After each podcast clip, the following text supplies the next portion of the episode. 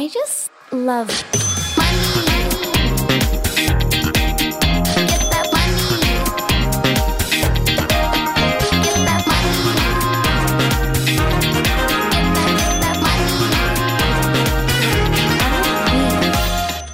Hjertelig velkommen til en ny episode av Karrierekvinner podkast.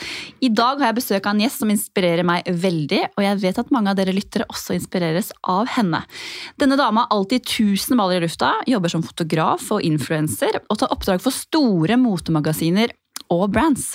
I tillegg så er hun tobarnsmamma til to små jenter, og det virker som hun alltid har 1000 prosjekter på gang. Jeg er veldig veldig nysgjerrig på å få vite mer om hva som driver henne, og hvor hun får all gutsen fra. Velkommen hit til Karrierekvinner, Marie Reiert. Tusen hjertelig takk, og for en introduksjon. Ja, fortjener du. Jeg satt og hørte på og fikk nesten litt sånn gåsehud. Hvem er denne dama her? og så er det meg. Så ble jeg litt sånn Er det her meg? Men eh, veldig hyggelig at eh, du i hvert fall oppfatter meg sånn. Eh, så vi håper at eh, de som lytter og følger meg, også har den samme Hva skal jeg si? Det samme inntrykket av meg. Jeg føler jo at jeg er en, eh, en dame som kjører på, og det, det syns kanskje. Det syns veldig. Ja. Og du har jo vært gjest her i Karrierekvinner to ganger tidligere. Yes. Men jeg tenker at nå er det på tide at du kommer tilbake, for nå er det mye som har skjedd siden sist. Og jeg vet som sagt at det er mange som inspireres av deg. Og så har vi jo masse nytt å, å snakke om. Det har vi. Mm. Men selv om du har vært her før, så tenker jeg at jeg vil allikevel at du skal fortelle litt eh, om deg selv til de som kanskje ikke kjenner deg fra før. Hvem er du, og hva, hva driver du med? Hvem er jeg da? Det er liksom sånn spørsmål som egentlig jeg har oppi hodet mitt eh, nå for tiden. Jeg er i en litt sånn ut, selvutviklingstid. Jeg prøver å eh, ja, utvikle meg. Eh, men eh, samme det. Jeg heter Marie Reiert, er eh, blir 30 veldig snart. Jeg jobber som fotograf, har gjort det i tre år. Eh, jobber også som influenser og innholdsprodusent. Um, ja. Har hatt også en podkast i to år som er litt på pause akkurat nå. Uh, og ja, primært så er det da foto som opptar mine arbeidsdager. Både for kunder og uh, ja, små og store bedrifter. Uh, motemagasin, som du sa. Eh, jobber mye på event. Eh, er også tobarnsmor. Fikk baby nummer to i februar, så jeg har en på tre, tre år og tre måneder. Og så har jeg en på åtte måneder. På åtte Eller tre år og tre måneder. Det høres ut som jeg hadde tre kids. Men jeg har én på tre år og én på åtte måneder. Um, så ja, dagene går jo, da. Ja, det har jeg tro på. Kan du si? Sånn. Mm. Men kan ikke du fortelle meg, siden det her er en kar karrierekvinner, en Kari-podkast? Er Kari-podkast. Ja, det er det. Ja, det kan- Siden det er en karrierekvinnepodkast, kan du ikke fortelle meg litt mer? For du sier at du har jobba som fotograf i tre år. Men du har jo vært i arbeidslivet lenger enn det, når du nærmer deg 30 år. Så kan du Det ikke fortelle liksom, om hvor du på en måte starta fram til der du er nå? For det vet jeg veldig mange er eh, interessert i. Morsomt at du sier. Jeg kan bare si, I dag tidlig så var jeg på et treningsevent ute på Fornebu. Eh, Og en av mine første jobber etter jeg studerte på BI, var på Fornebu. Nemlig et eh, konsulentselskap hvor jeg jobbet som resepsjonist, av alle ting. Ja. Så etter BI så ble jeg rekruttert dit. Eh, Det hadde jo egentlig ingenting med min utdannelse å gjøre, men det sier mye om meg. Jeg kaster meg på, tenker woho, her kan jeg møte mange mennesker. Jeg kan gå i blyantskjørt og dresse meg opp og se fresh ut hver, dag. Det. Eh, Samtidig som jeg møter utrolig mye mennesker. Og det tenkte jeg at liksom, det var en fin start etter BI, å bare komme seg ut i arbeidslivet. Eh, Så da jobbet jeg da der i ett år som vikar for en som var ute i mammapermisjon.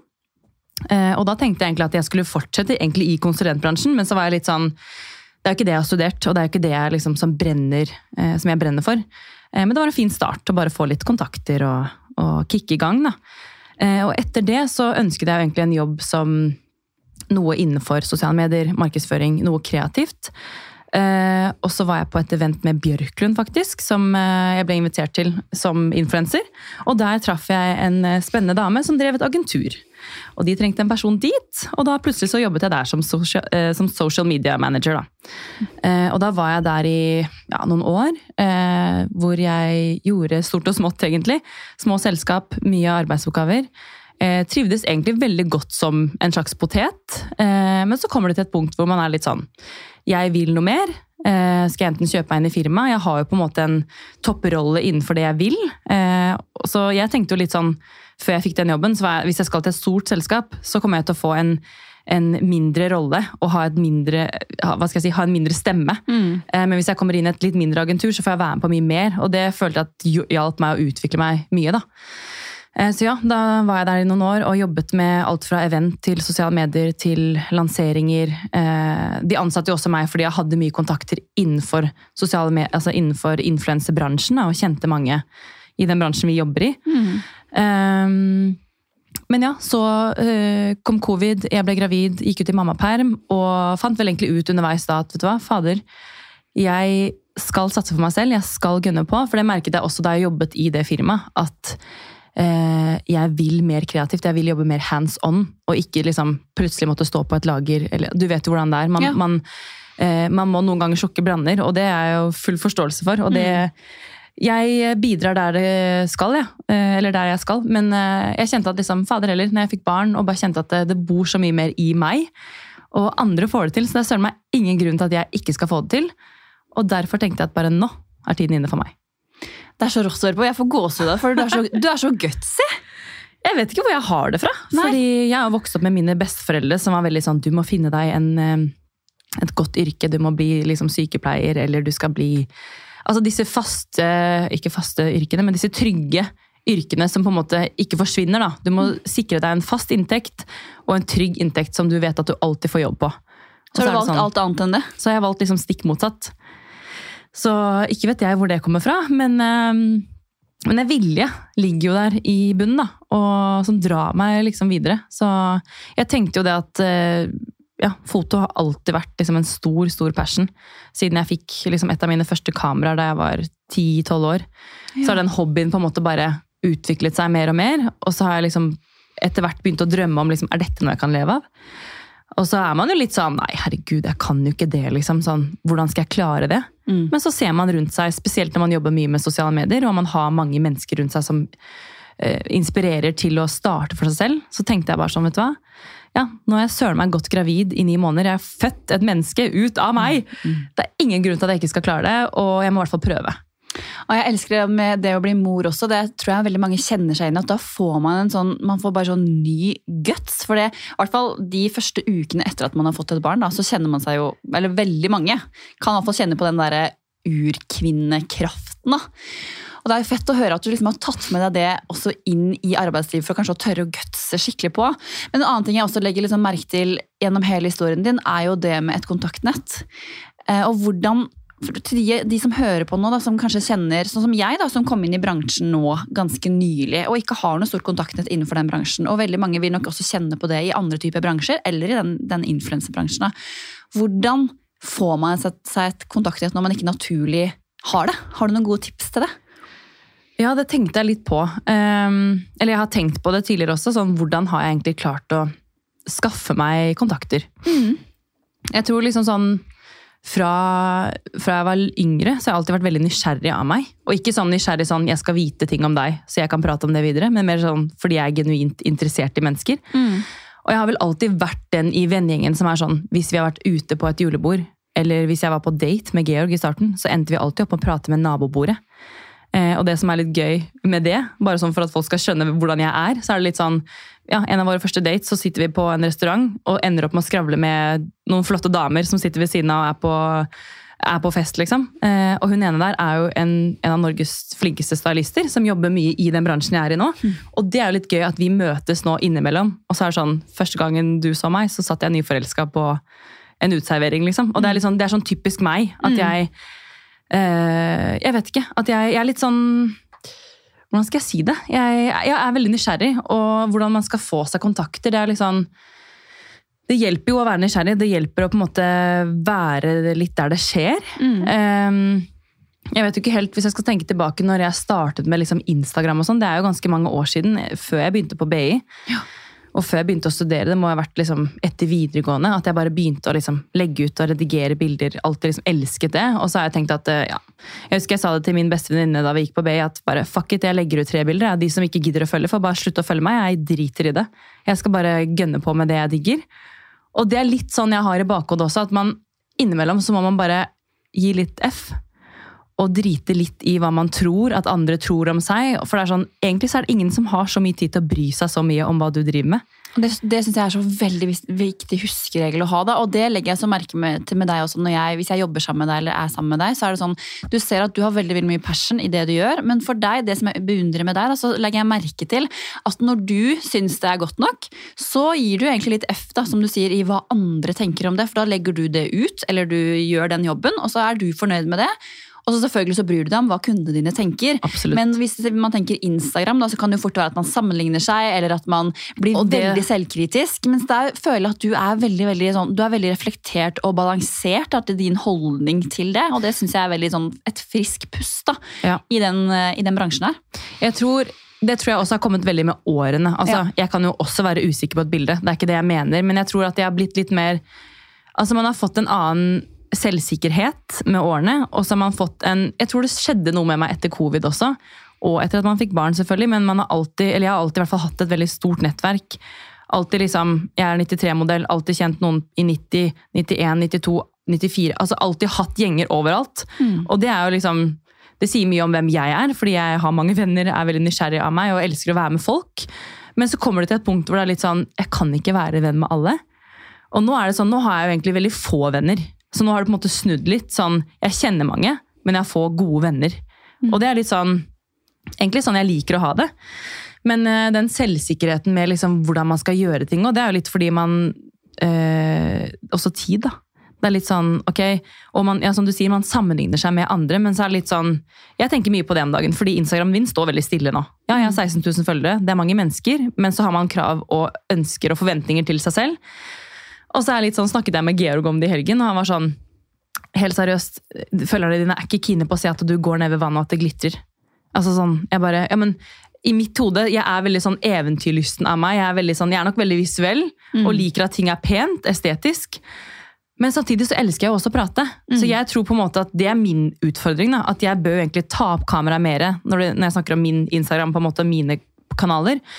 At jeg bør bli flinkere til å liksom dele mer av meg. Fordi at, ja, du har jo fotosiden på en måte, hvor jeg er på jobb for andre. Hvor jeg på en måte egentlig holder helt kjeft. Hvor jeg bare skal levere et resultat. Og selvfølgelig, jeg prater jo med kundene mine, det er ikke det. Men hvis jeg skal utvikle meg i mine kanaler, så må jeg også på en måte Jeg tror jeg må gjøre en liten endring fremover. Så jeg liksom jobber litt med det. At jeg må litt sånn ut av komfortsonen der òg. Og på en måte lage meg en liten strategi på liksom, hva er det jeg vil ha ut til følgerne mine. Da. Jeg synes, det syns jeg er vanskelig. Ja, jeg er helt enig, og, og det er noe med det. Jeg tror det handler mye om det å bli eldre også, sånn som vi snakker om. For at man trenger kanskje litt mer mening i det man gjør, og at man føler at man får brukt seg selv på en helt annen måte. Det er det jeg syns er veldig veldig befriende med den podkasten her. Da. At på min Instagram, hvor man ser mye liksom, skjønnhet og mote og den biten der som jeg elsker å drive med, men så kjenner jeg også på veldig sånn trang for Den tyngden. Ja, litt mer tyngde og litt mer dybde, da. Og det er jo viktig, sånn som vi snakker om, man må ha et kjempedistansert forhold til sosiale medier. Det er, ikke, det er ikke livet, men i vår bransje så er det en kjempeviktig kanal da, for å nå ut og for å, å få muligheter da, i, i jobb. Absolutt. Så det er, kjempe, det er en kjempeviktig greie. Samtidig så tenker jeg at det er så viktig også at man bruker den påvirkningskrafta til å bare kanskje eh, Ha en stemme, Ja, eller- ja. ha en stemme på, på mange ting. Da. Men så kan det være veldig skummelt også å ha en stemme og dele mye av seg selv. For det er veldig lett å bare dele alt det som er liksom det overfladiske og på utsiden. Eh, og det er helt fair at noen velger å bare gjøre det også, men jeg merker jo selv at jeg syns det er mindre interessant å følge de menneskene som bare som ikke deler liksom noe mer, da. Det er, det, det er litt der jeg står nå også. At Mm. jeg, på en måte, jeg vet at jeg kan ta fine bilder. Jeg vet at jeg kan ta bilder som gjør at jeg føler meg fin på et bilde og poste det. Men samtidig så er det sånn, ja det er den tyngden. Hvis Mm. du går inn på Instagram og ser på alle de du følger, så er det sånn, alle legger ut fine bilder. Det er Mm. ikke det som er problemet på en måte. Alle er jo fotografer. Altså alle er jo, du kan se på hvem som helst innholdsprodusent. Er det sånn, wow, du er dyktig i det du gjør. Men så er det sånn, folk vil ha mer, og kundene vil ha mer. Så er det liksom finne den balansen om hvor mye skal jeg dele, hvor, hva skal jeg ha privat, hva skal jeg ikke ha privat. Så det er litt sånn, ja. Og, og, og det er også sånn en, en vanlig arbeidsuke for meg jo, kan jo plutselig være sånn Oi, nå er det en ny uke, og det er veldig stille i kalenderen. Og så går det liksom plutselig en time, og så whoops, er hele kalenderen full. Og det er jo liksom privilegiet med å jobbe frilans, men også det Det kan jo også stresse iblant. sånn, Og da må man lære seg å Eller jeg har lært meg da å på en måte bruke de dagene hvor jeg ikke har så mye, til å faktisk nyte det litt. Ja. Fordi innimellom så bare brenner det så mye at man eh, jobber på alle døgnets tider. Og det elsker jeg jo, det òg. Men da må man på en måte lære seg, eller jeg prøver å lære meg da, å ha litt nedetid. Eh, sånn som for eksempel i dag. Vært på trening på et event på morgenen. Det ga meg masse energi. Eh, kommer hit, prater med deg. Det gir meg også masse energi. Men i dag har jeg på en måte ikke noen kunder jeg skal møte opp til. Og da må man også nyte det litt. Mm. Det har vært så fint for meg også, for vi har jo ikke kjent hverandre så lenge. Det er jo et, bare litt over et år, tror jeg. Men du har vært så fin for meg å ha der også i den bransjen. her. For som sagt, jeg har ikke noe stort kontaktnett enda. Jeg begynner å få et større nå. Men du har vært veldig sånn til meg også sagt ok, pass på at ikke du liksom brenner eh, lyset da, i begge ender, og at du lar deg selv ha litt nedetid. For det er sånn som jeg som er såpass fersk enda, kan jeg bli veldig stressa av det. og kan, altså, sånn som det, Nå har det vært en litt rolig periode for meg. Og da kan jeg bare, da kan, kjenne jeg at jeg liksom skal tvinge fram at noe skjer, men det har en motsatt effekt. da. Og det, så det prøver jeg å lære av deg. ok, Bare unne meg den nedetiden, for plutselig så smeller det jo, og så har man eh, plutselig syv deadlines da, på en uke. Yes, og det her er litt sånn Um, Det her har overrasket meg selv, meg selv, eller ved meg selv. At da jeg skulle starte opp, så var jeg litt sånn å herregud, når jeg er ferdig med den mammapermen her, da bør kalenderen være full. Og liksom, shit, hva, hva hvis jeg ikke får inntekt? Og liksom, alle disse tingene tror jeg dukker opp i enhver, ethvert frilanshode. Eh, og da tror jeg liksom nøkkelen til å lykkes er å ha litt is i magen òg. Og selvfølgelig, man skal jo inn i en bransje hvor det er mye konkurranse.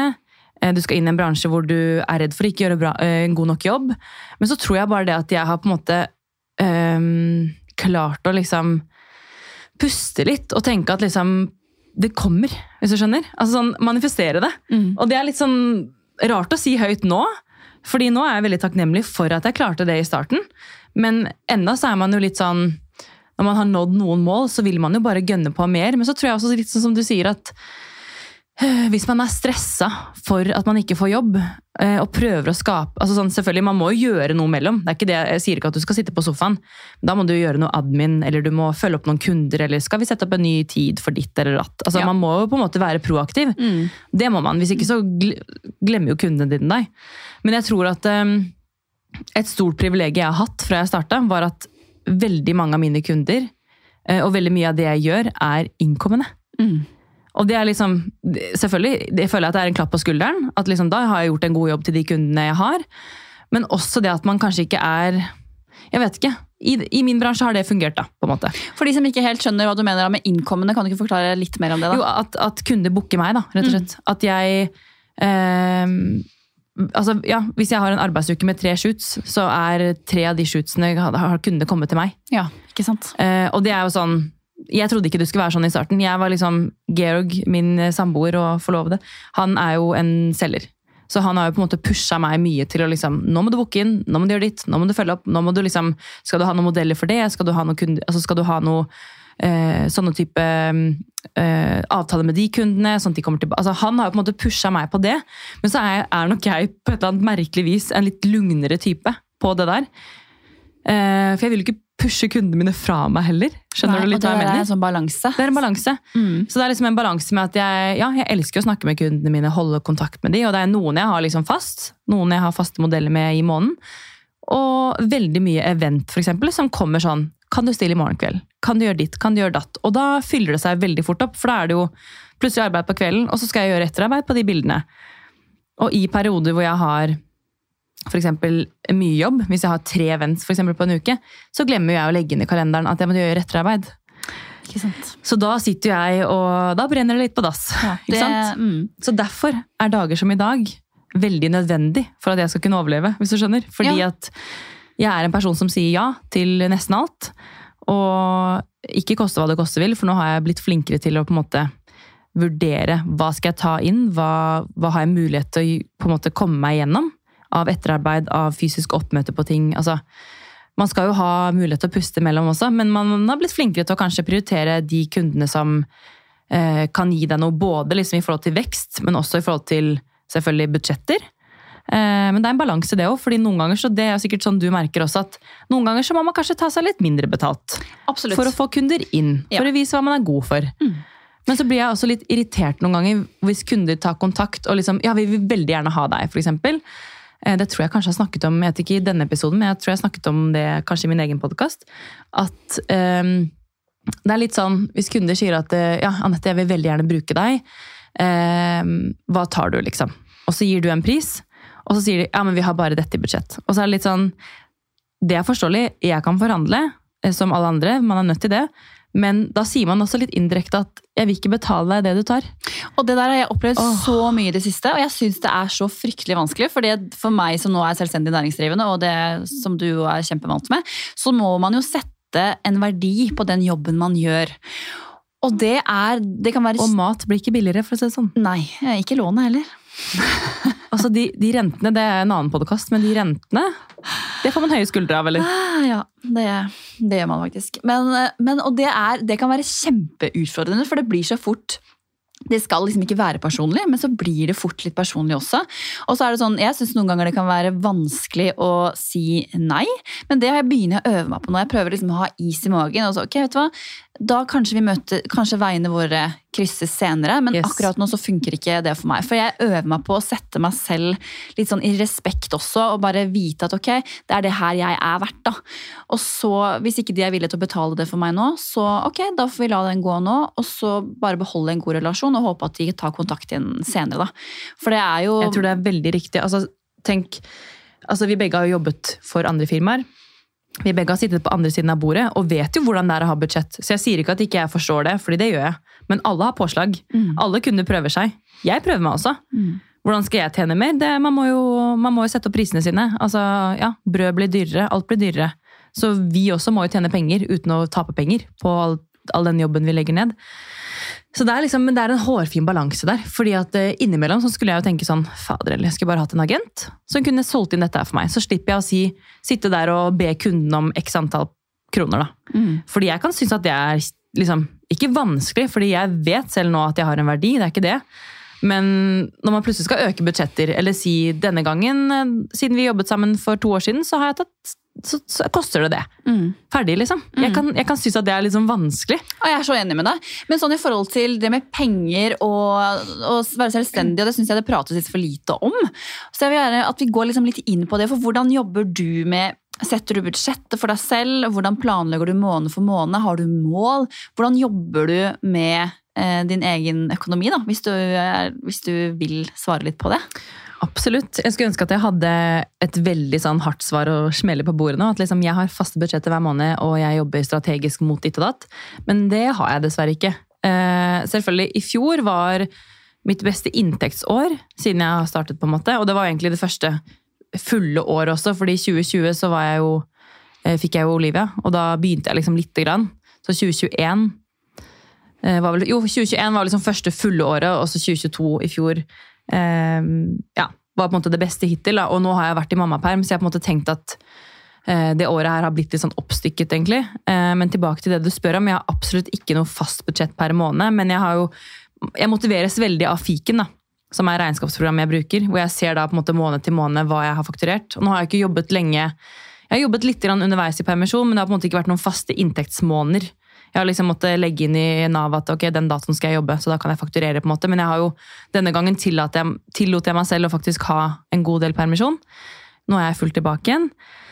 Jeg så deg jo Eh, ganske mange ganger på jobb med hun lille på armen. Ja da. det må, skal sies at Ja. du jobba mye, men du jobba sikkert mindre enn eh, Jeg jobba mindre, ja. Mm. Eh, og så er det jo noe med at man eh, vil jo gjerne ha en jobb å komme tilbake til. Det er akkurat det, den Eh, bransjen er jo beinhard, for du blir jo bytta ut på null komma niks hvis ikke man eh, Det er det jeg tenkte på. At liksom, å være synlig. da. selv om jeg ikke var på en måte ukentlig på jobb for noen kunder, så var man kanskje på et event, man viste ansikt, man møtte opp på ting, eller møtte opp på en presseuke, eller bare for å liksom Her er jeg, ikke Mm. glem meg, liksom. Altså, man må jo litt det, da. Tilbake til det med relasjoner, så må man ehm, Jeg tenker sånn utenfor den bransjen her, så kan det nok se ut som det er veldig mye glitter og glam. Som det jo ser ut som på Instagram, men veldig ofte så er det jo ikke det. På en måte, Hvis det er lov å si. Ja, det må være lov å si. Eh, man kommer på et event, og eh, jeg er en person som føler at jeg kan prate med alle. Og så ender jeg veldig ofte med å stå og prate med kunden. Ikke for nødvendigvis at jeg smisker, men fordi jeg syns de er mest interessante. Det er litt sånn eh, Man merker veldig fort hvem man er lik og ikke. da. Nå, nå tenker jeg på influensersiden av meg. på en måte. Jeg er jo veldig ofte på jobb som fotograf på disse eventene, og da prater jeg ikke med så mange. Eh, så jeg føler sånn sett at jeg har funnet et litt sånn smutthull i bransjen. At jeg får være med på veldig mye ting. Men jeg er på jobb.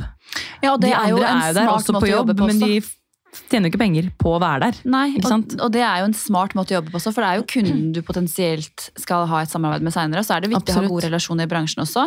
Men det er sånn jeg har merka det òg, for jeg har jo ikke vært på så mye eventer før det siste året. Og der har du vært helt sånn eksepsjonell i forhold til veldig veldig mange andre. Jeg har jo noen litt sånn løse bekjentskaper, men eh, der har du Jeg føler at du har liksom tatt meg imot med åpne armer og introdusert meg for. Ja, men det er sant, og det, er, og det er veldig sånn Det har jeg ikke opplevd fra eh, så veldig mange andre. For jeg det er kjempemange hyggelige mennesker, selvfølgelig er det det. Men jeg, jeg kan merke mye av den, den konkurransen eh, at det, er sånn, at det er litt spisse albuer. Ikke blant alle, det er viktig å si, men jeg, jeg, kan, jeg merker jo det eh, fort. da. Og så tenker jeg at jeg syns det, det er så viktig liksom, at man tenker at det er liksom, rom for alle. Det skal være det, for man tiltrekker seg det her tror jeg har sagt i begge de andre episodene, men man tiltrekker seg jo ulike typer mennesker. Yes. Og man kommer jo lengst ved å være hyggelig da, mot alle. Og så skal det sies at de aller fleste er det. Noen er jo også gamle travere i bransjen og på en måte er på et event hver eneste dag og kanskje ikke har så mye å hente ut av, og de har, har ikke noe behov for å kanskje å snakke med flere. Men jeg tror uansett at det er viktig, og det er sånn Min pappa han har alltid lært meg at eh, uansett hvem jeg møter, så skal jeg være hyggelig og snill og snakke med den personen som at det er den eneste personen som er i rommet. Fordi at du vet aldri når du møter den personen igjen senere. Ok, det var sykt, fordi jeg har ikke noe kontakt med faren min, men er det én ting han har lært meg i livet, så er det det. Ikke sant? Det er liksom Pappa, det er det eneste Det er ikke det eneste du har lært meg, men det er liksom noe jeg har med meg veldig fra han. Og det er litt sånn Jeg tror på en måte at det er forskjell på de som gjør det fordi man er genuint interessert i mennesker og åpen for å møte nye mennesker. Altså, jeg kan prate med folk som ikke har en skit med det jeg gjør. Som ikke potens potensielt kan bli en kunde. Så det er ikke sånn at jeg prater med folk bare fordi Oi, kanskje jeg kan få en, en fotojobb. Altså sånn Det er ikke sånn jeg er. Nei, det er, det er viktig å ikke alltid ha en baktanke på ting. Det er ikke Nei. det jeg mener. Nei, nei, men jeg det, mener er at sånn, man Mm. det, det er det som jeg tror er forskjell på folk. da. At noen gjør det med liksom Å, kanskje jeg kan få en jobb der. kanskje. Men jeg tror det skinner litt igjennom. Enten så er du glad i å prate med folk, eller så er du på en måte litt ikke det. på en måte. Og det, det, det er veldig synlig på disse eventene. da. Hvem som på en måte er interessert i å bli kjent med nye. Og de som er kanskje gamle travere, som du sier, eller som har en gjeng i disse på en måte gjengene. da. Og det merker jeg veldig på events nå for tiden. at i hvert fall de eventene jeg har vært på, eller jobbet på, at man ønsker å samle grupper, mindre grupper. Eh, fordi det blir mer intimt, det kan gi noe mer til de som er der.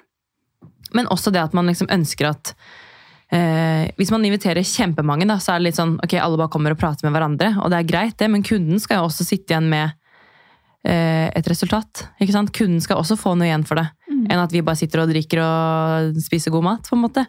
Så det tror jeg er mer og mer viktig fra kundens perspektiv og kundens side også fremover. at hvordan kan man på en måte, ja, Nå blir det her en helt annen prat, nå bare sporer jeg av. Men, eh, Jeg liker det. men at man eh, Jeg tror veldig mange merkevarer tenker på den måten. At man heller skal gi en opplevelse til folk, tilknytte seg folk. Og det er jo litt på samme måte som det vi må gjøre. Altså sånn, Vi kan ikke bare sende ut eh, fem mailer og 'hei, kan, kan jeg komme og jobbe for deg'? Liksom. Det, er, det er connections, da, egentlig tilbake til det, med relasjoner. Ja, og ref det du sier om at nå er det så veldig mange som er flinke til å ta de bildene, eller som kan kalle seg innholdsprodusenter, og så handler det om å liksom skille seg ut på en annen måte og ha de relasjonene. da. Men det er ikke lett å skille seg ut heller. Nei, det Å er, finne sin stil, finne sin måte å jobbe på.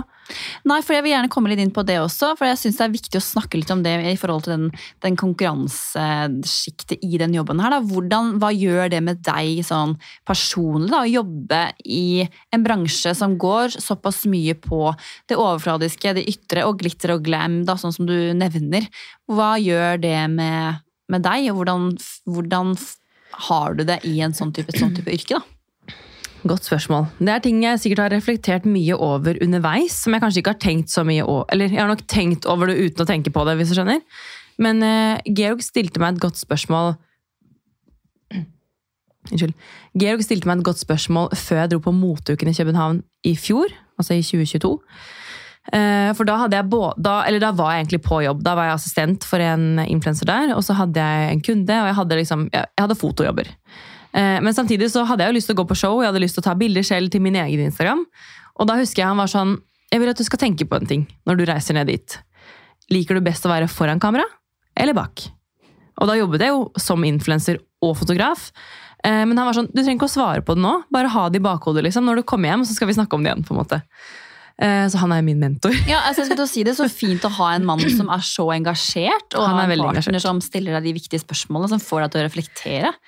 Absolutt. altså Den karrieren jeg har nå, og er i nå, hadde jo ikke vært noe hvis det ikke hadde vært for han. Så Georg, hvis du hører på, så tusen takk. Det er han som har pushet meg egentlig i riktig retning. da, og liksom gitt meg den selvtilliten og styrken. Nå kjenner jeg meg nesten litt rørt av å snakke om det.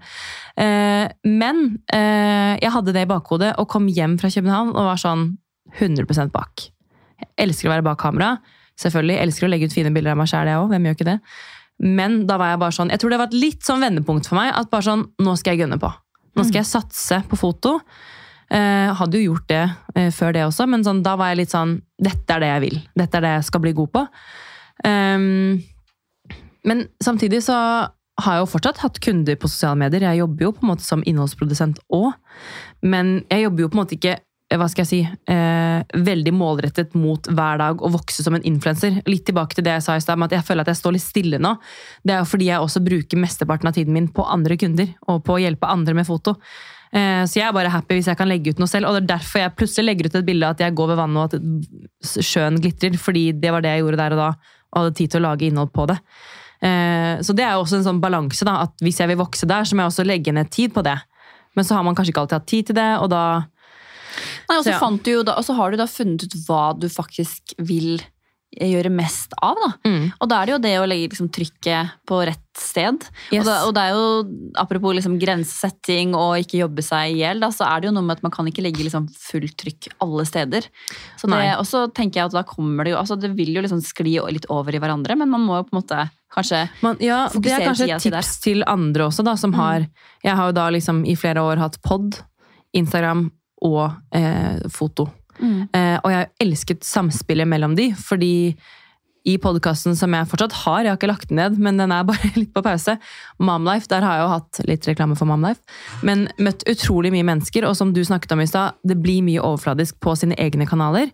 Så det å på en måte kunne sette seg ned, som vi sitter nå, eh, prate med folk, bli kjent med folk, dykke ned i ulike temaer, eh, og lære seg noe nytt, lære seg å kjenne mennesker. Det, liksom, det har gitt en stor verdi for meg, som jeg også har tatt med inn i fotojobben. Eller inn i sosial... Altså sånn, de, de har spilt godt sammen, da.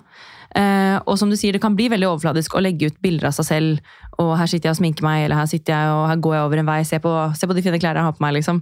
Eh, og da føler jeg også at jeg har trengt den tyngden. Så jeg kjenner jo også at jeg savner veldig å ha podkast, fordi da får man liksom, jeg vet ikke, dratt det litt ned, da. Man får dratt litt ned og delt eh, mer av seg selv. Og så tenker jeg også at det er viktig å poengtere at jeg, jeg elsker det overfladiske. I form av at det er et, sånt, det er et avbrekk, det er et kreativt Det er en avbrekk. Det er en drømmeverden, og det skal det være også. Man jobber jo for å inspirere andre, og da kan du jo ikke jeg, kan altså jeg bryr meg ikke om jeg liksom ser stygg ut, eller eh, jeg er ikke redd for å drite meg ut, på en måte. Men så skal man jo også skape et univers som folk eh, ønsker å komme inn til og få inspirasjon. Eh, men så er det dette med den balansen, da, eh, hvor jeg gjerne vil bli flinkere til å prate på Story, åpne opp kamera, dele ting. fordi det gjør jo også at folk gidder å følge deg. Hvis ikke så er jeg bare en av alle andre. Så det er liksom litt sånn, litt der jeg står akkurat nå, litt sånn som jeg sa innledningsvis, at jeg er en litt sånn selvreflekteringsperiode nå. Sikkert fordi jeg akkurat er ferdig i mammaperm, vært i bobla ganske lenge, selv om jeg har jobbet litt og vært litt på, så er det litt sånn, jeg tror det skjer noe med deg også da, når du skal på en måte ut i det store arbeidslivet igjen, at man begynner å tenke veldig over hvem er jeg, hvor skal jeg? Så jeg, jeg går igjennom den fasen nå, så jeg har ikke noe liksom svar med to streker under eller fast budsjett hver måned. Altså jeg har på en måte sikkert, Det er sikkert mange ting jeg kan jobbe med, og som jeg skal jobbe med. Men akkurat nå så prøver jeg liksom bare å komme meg inn i en god flyt igjen, eh, som jeg føler at jeg er på vei. Men det er liksom, jeg er veldig åpen for å lære, og veldig sånn sulten på å lære og bli bedre, egentlig. I alle de stedene jeg er. Om det er på hjemmefronten som mor, eller om det er hva slags venninne jeg skal være. Eller eh, ja. Jeg vil bare bli en bedre utgave, utgave av meg selv. Det tror jeg man kommer langt med. Mm. Men hvordan vet man at man har lykkes, da? Sånn karrieremessig regner jeg med du tenker på. Det er jo litt tilbake til det med at eh, Veldig godt nå stiller du de gode spørsmålene her. Hvordan vet man at man har lykkes? Jeg tror jo det at når man står på liksom startstreken, da, Eller da jeg begynte, liksom, så tror jeg at jeg tenkte at eh, jeg skal dit, eller jeg skal dit. Eller da satte man seg jo noen mål. Og så når man kommer seg dit, så må man også bli bedre, eller jeg bør bli bedre på å feire de små og store oppturene, ikke sant? Men eh, det er jeg sikkert ikke god. Jeg er liksom mye vil ha mer. Eh, Jeg kjenner meg så igjen. Ser alltid framover. Alltid Fram, fram, fram, fram, Ja, ja. Det er jo så sånn, nå sitter vi, bor i en fin leilighet midt i byen, men nå er jeg sånn, hus, hage, next, next, vi må ha ny bil, bilen går ut av leasing, neste kunde, er jeg skal bli den største fotografen i Norge, bla bla bla. Altså sånn, man har jo sånne tanker og drømmer, og det skal man, man skal drømme stort, og jeg tror på en måte at hvis jeg ikke hadde tenkt at jeg skal bli Norges eh, neste motefotograf, så hadde ikke jeg kunnet ta den jobben her. Hvis jeg tenkte, ja, heldigvis jeg får kunder, da kommer du ingen vei. Du må ha litt, jeg tror du må ha en litt sånn faen i deg, hvis du skjønner hva jeg mener. Litt Og jeg sånn, føler nå traff vi sånn nerva på mye, for det, det at Litt. du tør å, å drømme stort. man må drømme stort, tror jeg da. Jeg tror på en måte at, eh, og det er sånn, jeg sikkert ikke har sagt høyt til Georg engang, men det er sånn, man må tørre å tenke at jeg skal dit, eller jeg skal dit, eller jeg skal liksom bli den neste sånn, eller jeg skal... For hvis jeg bare har tenkt at ja, jeg er heldig hvis jeg får ta bilder der, så er det sånn, jeg er ikke heldig. Jeg er god nok.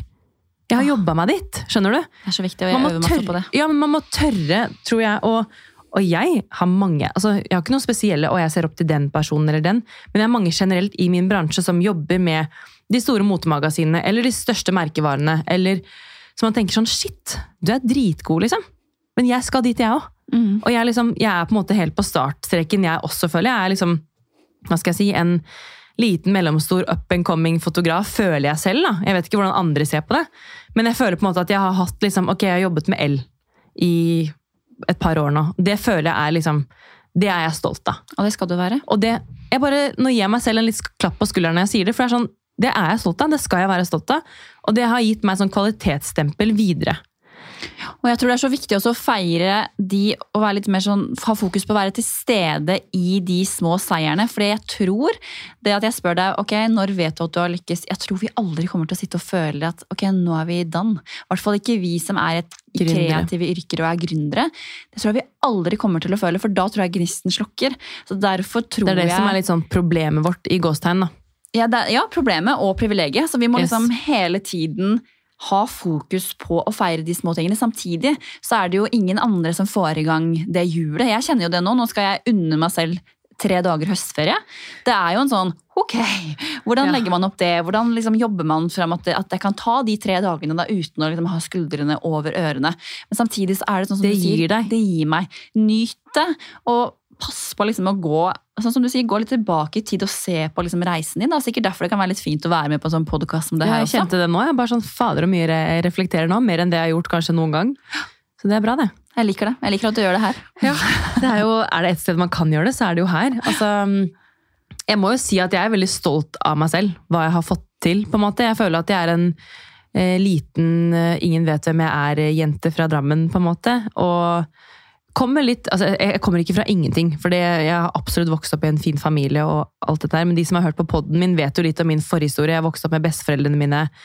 Jeg har kanskje ikke hatt en det man kaller A4-oppvekst. Eh, Men det har også kanskje gitt meg en motivasjon til bare liksom Jeg vet ikke, jeg har alltid villet noe mer, hvis du skjønner hva jeg mener. Altså sånn, jeg har prøvd å tenke tilbake på det, bare sånn hvorfor er jeg den jeg er? Tilbake til det med selvreflektering og og når man blir eldre og man får barn og man jobber for seg selv, så har man innimellom liksom behov for å bare ja, trekke seg litt tilbake og liksom bare finne ut liksom, hvem er jeg, hvorfor gjør jeg det jeg gjør? Um, hvorfor er jeg den jeg er? Altså, det er jo de store spørsmålene som man kanskje aldri helt får svar på. Men da er det litt sånn, da ser jeg liksom tilbake på lille meg. Skjønner du hva jeg mener? Jeg skjønner veldig godt hva du mener. Lille meg på jenterommet som liksom alltid Ja, jeg hadde jo med meg kamera på alle fester. Altså, den ene personen på hjemmefester med speilrefleks, det var meg. Det var. Det var meg. Jeg tror alle har hatt en sånn person i gjengen, i gjengen Ja. sin. Ja, absolutt. Um, og liksom bare å se tilbake på at der var jeg da, på en måte. Og så her er jeg nå. Altså sånn, det er jo bare en, en, et, en milepæl, det også. Um, uten at jeg nødvendigvis kanskje har vært god nok på å feire de små tingene. Men um, ja, å stoppe opp, det kan, tror jeg alle kan bli bedre på. Enten det om det er på eh, familiefronten, eller om det er på i arbeidslivet. Altså sånn i karrieren sin. Fordi Den lille jenta fra Drammen som skal bli Norges største motorfotograf. Ja, ja, nå har jeg sagt det høyt. Jeg gleder meg til å følge den reisen. Jeg også. Vi skravler oss bort, vi, som vanlig. Det Men eh, helt til slutt, da. Tre tips til lytterne hvis de ønsker å lykkes i den bransjen som du er i, som da er foto, eh, innholdsproduksjon. Jeg vet at mange drømmer om å lykkes, og det er mange om beinet. Hva, har du tre tips? Nå skulle jeg ønske at jeg hadde skrevet ned tre tips på forhånd. Jeg var slem. Um, men, ja, men nå skal jeg bare si det jeg tenker. Um, stol på deg selv, og stol på at du er god nok. Fordi hvis du um, Hvis du tenker at du skal prøve å nå det målet, så må du i hvert fall ha tro på deg selv. Fordi hvis du ikke har tro på deg selv, så vil jo ingen andre tro på deg og det du leverer heller. Så det å ha den selvsikkerheten i at du er god nok, det tror jeg er en god start. Uh, uansett om du skal drive med foto eller om du skal drive med noe annet. Altså, du må i hvert fall tro på deg selv. Uh, og det er ikke noe som kommer med på dagen. Det må nok jobbes opp, det også. Men så får man jo kanskje litt selvsikkerhet underveis, hvor man får tilbakemeldinger, får feedback. Ikke sant? Så det er kanskje det- ene tipset. Altså stol på deg selv. Um, ikke se for mye rundt deg heller. Eh, Jeg har merket at bare de siste to ukene så har jeg sluttet å følge ganske mange folk. Det, det har vært venner, det har vært firmaer, det har vært store influensere. Hvor jeg bare tenker sånn, jeg har ikke noe med deg å gjøre. Verken privat eller jobb. Eh, Eller jeg blir ikke Altså, det gir meg ingenting, det jeg ser på. Og det er litt tilbake til dette med konkurranse også. At man Jeg følger med på mange andre motefotografer, men jeg kan ikke se for mye på det heller. Fordi jeg må også gjøre min greie. Skjønner du? Jeg skjønner veldig godt om den, eller jeg kjenner meg også igjen i det, for da mister man litt sånn fokus på det som er deg. Yes. Og blir lett at man, at man begynner med en sammenligning og vil, vil kopiere. Og mye av bransjen handler jo om å, å følge trender og finne ut av den biten der, men det er så viktig å ikke liksom Og miste det er vanskelig. fokus. Jeg elsker trender. Mm. Og jeg elsker å se på hvordan eh, store motemagasiner lager seriene sine. Altså selvfølgelig, Jeg henter jo inspirasjon, jeg òg. Før jeg skal på en jobb, så jeg forbereder meg jo på aller høyeste grad. Men det handler også om tror jeg, noen ganger å bare være litt i den flyten. Være litt kreativ, være åpen for at nye ideer kan komme. Og det er litt sånn som jeg også har fått tilbakemeldinger fra kundene mine. At bare sånn, shit, det er så gøy å jobbe med deg fordi du har så mange ideer. Og det er sånn, jeg er veldig spontan og veldig impulsiv av meg. Som sikkert liksom, Enten så digger man jo det, eller så tenker man jo bare sånn oi, hun er jo overalt. Så det er en balanse for meg også, at jeg må på en måte klare å komme med ideer, eh, men samtidig så må jeg også lytte til kunden. Så det er en balanse å finne ut av de man jobber med, om de har lyst til det eller ikke. Men ja, tilbake til det, altså stole på seg selv, ikke se for mye rundt seg. Um, hva er det siste, da? Det første som slår meg inn, er jo at man må ha folk rundt seg som heier på deg. Uh, og det tror jeg er veldig viktig for å ha igjen den selvsikkerheten man bør ha for å kunne lykkes. da. Og det er kanskje også litt tilbake til at jeg har slutta å følge en del mennesker, fordi ehm, jeg må jo tenke at eh, de jeg skal ha rundt meg, skal heie på meg. Og de jeg skal følge, skal jo jeg også heie på. Eh, og hvis jeg følger folk som jeg ikke gidder å engang like eller kommentere på eller engasjere meg for, så er det sånn, det er ikke noe vits at jeg følger de. Så jeg vil heller prøve å liksom følge færre mennesker, og så vil jeg at de som følger meg, skal på en måte faktisk heie på meg. da. Mm. Um, og det er også litt sånn uh, At man må bare, jeg vet ikke, stole på seg selv og tenke at alle kan ikke like deg, uansett. Alle kan ikke like deg. Det, og det syns jeg er en fin ting å avslutte med. Og også det med at uansett hvilken bransje du er i, omgi deg med folk som heier på deg.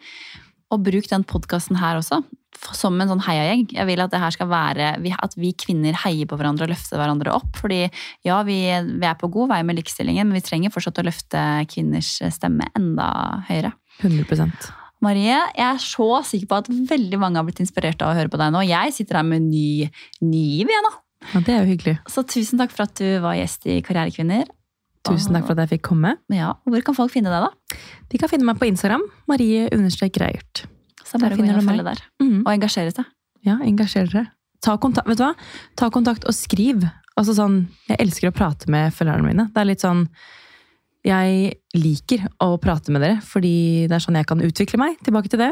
Eh, og hvis folk kommer bort altså sånn, Det er ikke veldig ofte det skjer, men innimellom så stopper folk meg på gata. Eller hvis jeg er innom en butikk, bare 'Å, shit, jeg følger deg der', eller Det er sånn, ja, 16 000 følgere er ikke mange, men eh, det er Se for mange deg 16 000 mennesker i et rom. Ja, det er nettopp det. Altså, det. Nå hørte jeg meg selv. Det er, det er mange mennesker, det er ikke det. Men sånn, man ser bare tall, og man vil videre. Men så tenker man fortsatt at det er mange mennesker, og når man møter folk face to face, så er det sånn Oi, du følger med på meg, lille meg, liksom. Tusen takk. Så ja, kom bort og skriv, og jeg svarer. Veldig fint. Og meg, hvis dere er interessert i å følge meg, så kan dere finne meg på Anette Jorgi på Instagram. Inn og følg. Inn og følg! Takk for at du kom! Takk for meg! Ha det! Ha det! I just love